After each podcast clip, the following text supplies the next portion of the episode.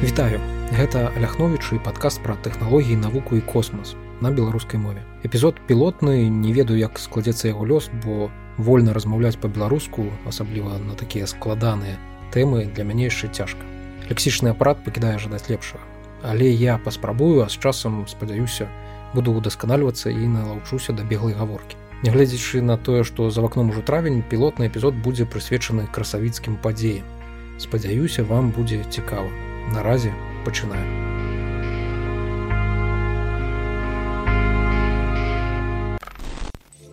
Геній мільярдэр плейбой філантропы і вядомы інтэрнэт-троль Ілан Маск набывае твиттер. Аддасць за садсетку 44 мільярды даляраў. Пры гэтым амаль больш больш за палову грошай ён запазычыць у банкаў.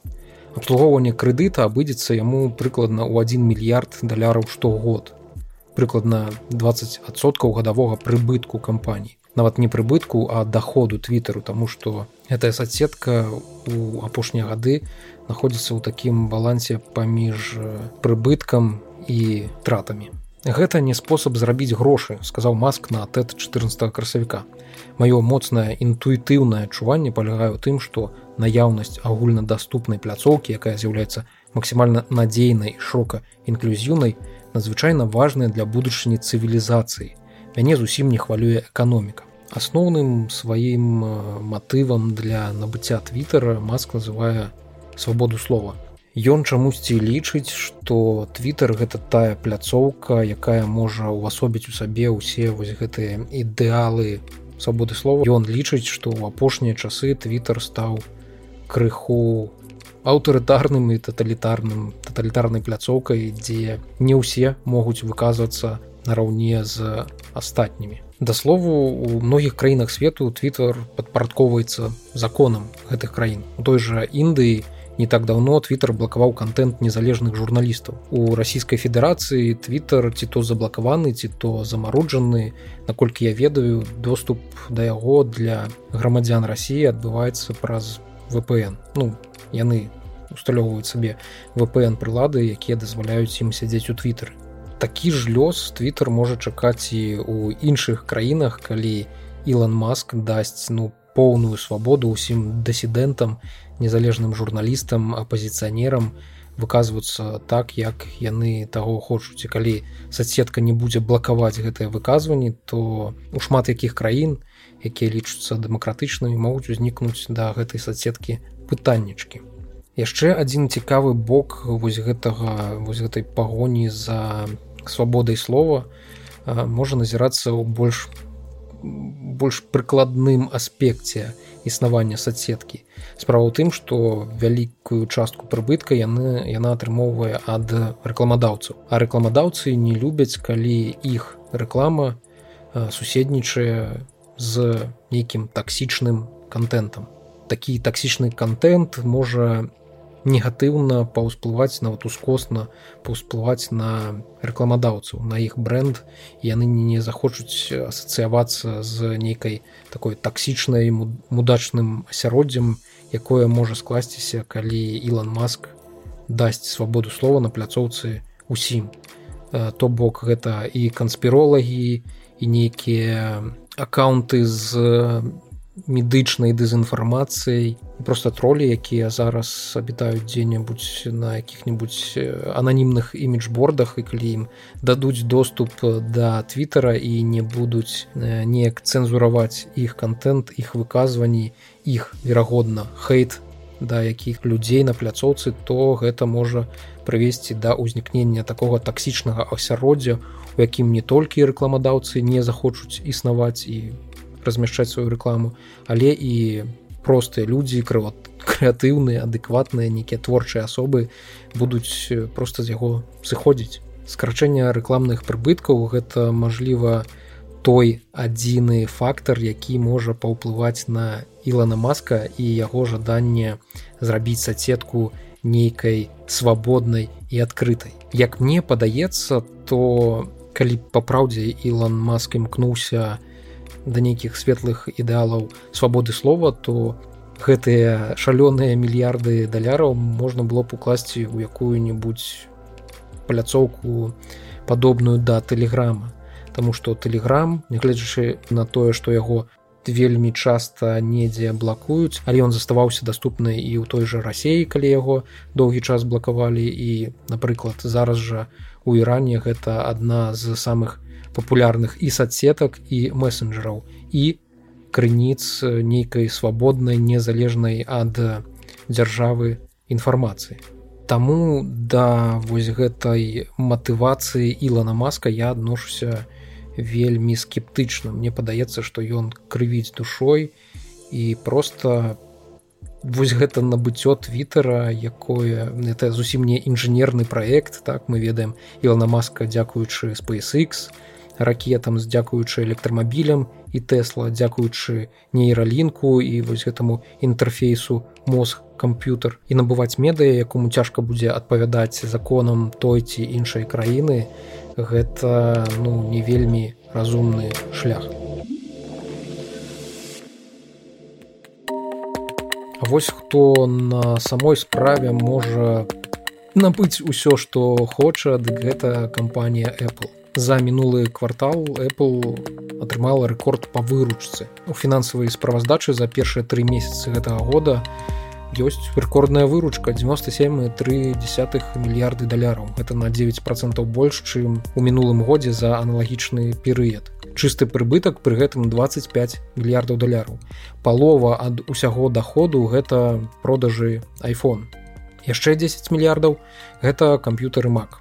7 мільярдаў планшеты самае цікавае што за першыя тры месяцы на маках зарабілі палову ад таго што зараблялі на гэтых камп'ютарах на працягу доўгіх гадоў. Многім дзякуючы Apple силикон тым чыпам на якія Apple перайшла ў сваіх ноутбуках камп'ютарах э, не так давно Мабыць у канцы 19 -го года калі я не памыляюся і на гэтых чыпах выходзяць просто цудоўныя лаптопы macbook air m1 гэта ну просто шыкоўная машина для працы і нават для нейкай вучобы ці спажывання контенту Але ў лінейцы прадуктаў Apple прагледжваецца адна вялікая праблема. Гэта яе планшеты. Год ад года ну не буду казаць, што год ад года, але апошнія некалькі кварталаў выручка з продажы планшетаў яна скарачаецца.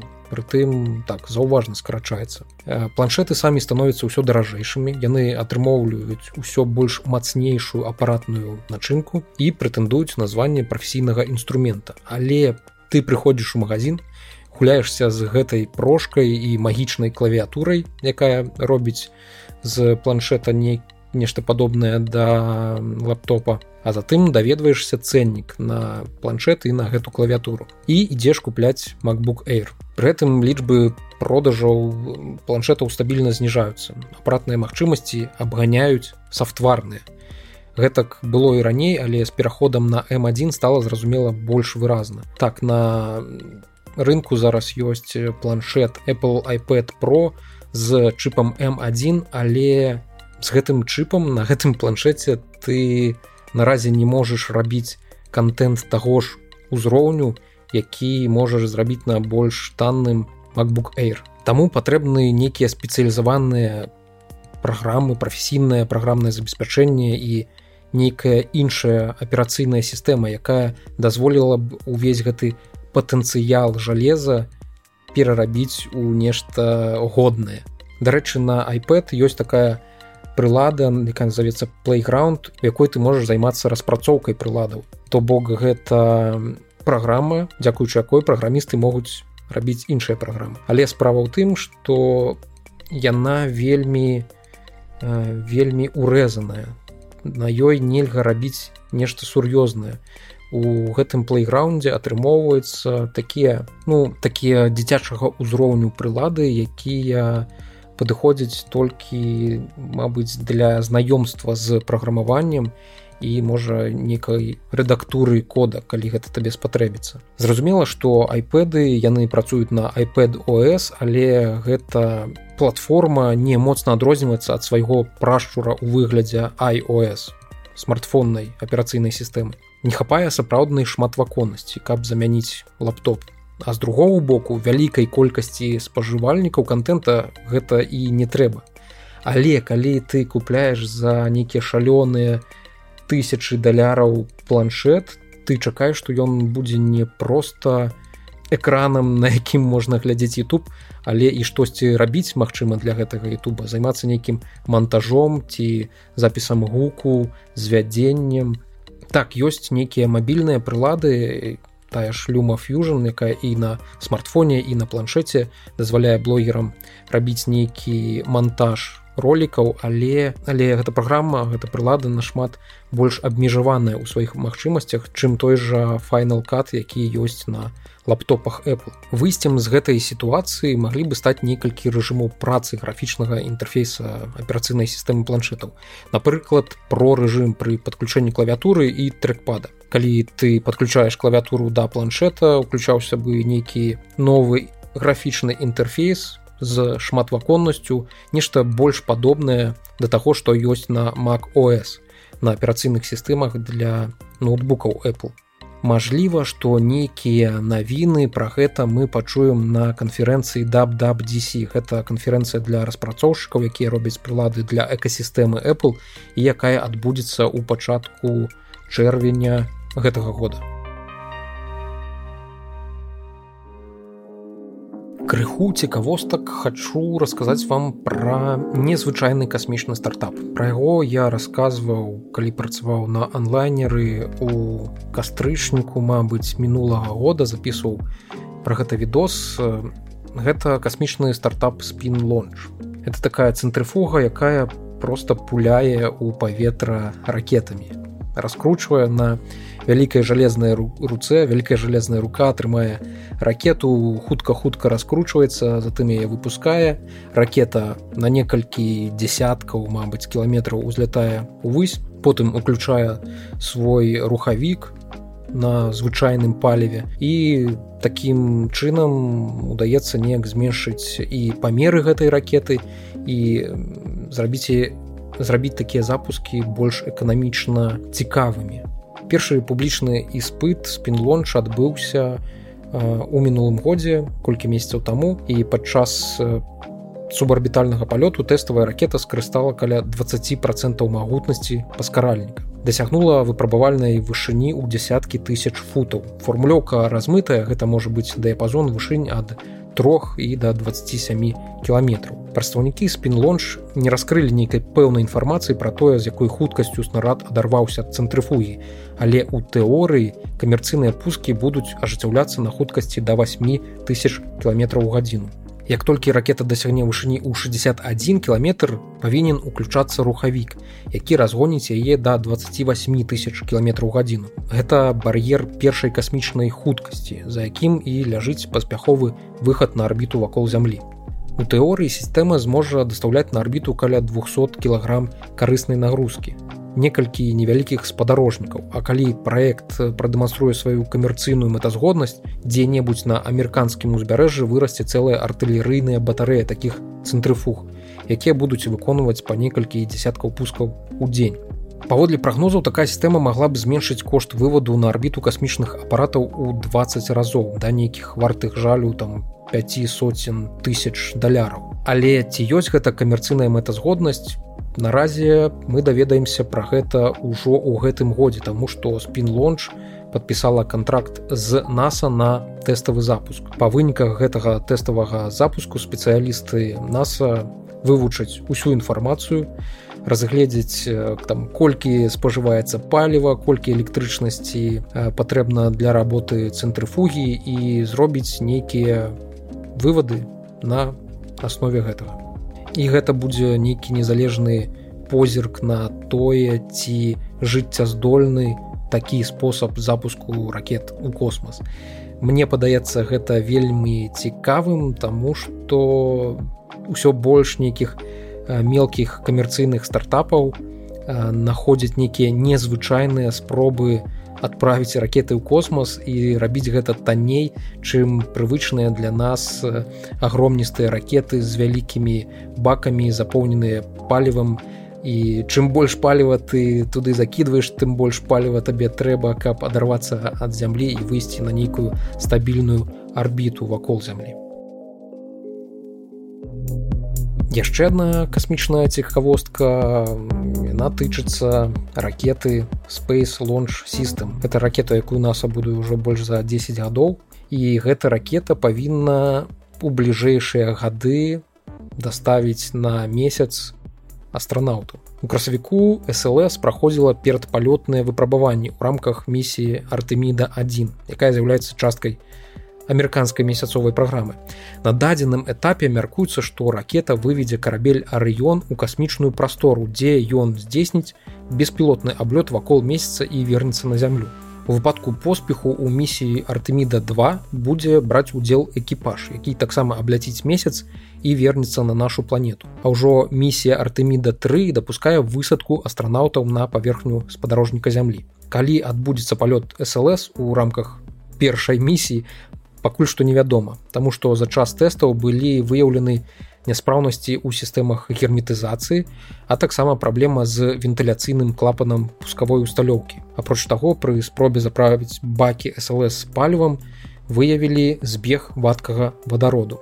Таму зараз ракету зноў адправілі у ангар будуць усе гэтыя недарэчнасці выпраўляць і першы запуск ён зноўку адкладваецца. Невядома кліент будзе мажліва до конца гэтага лета спадзяюся што хаця б у гэтым годзе. Ракету будавалі больш за 10 гадоў яна супер дарагая крытыкі лічаць што яшчэ і супер неэфектыўная тому что зараз на рынку ёсць мноства камерцыйных праектаў. Самы галоўны з гэтых праектаў гэта spacex Ілана маска ўсё ж таго Ілана маска і яго ракета старшып якая якраз таки будзе магутнай і зможа дастаўляць на далёкую арбіту нейкія шмат нейкіх палезных грузаў на пачатку сакавіка вядомы кошт усіх выдаткаў на вытворчасць слс і карабля арыён сума просто шалёная.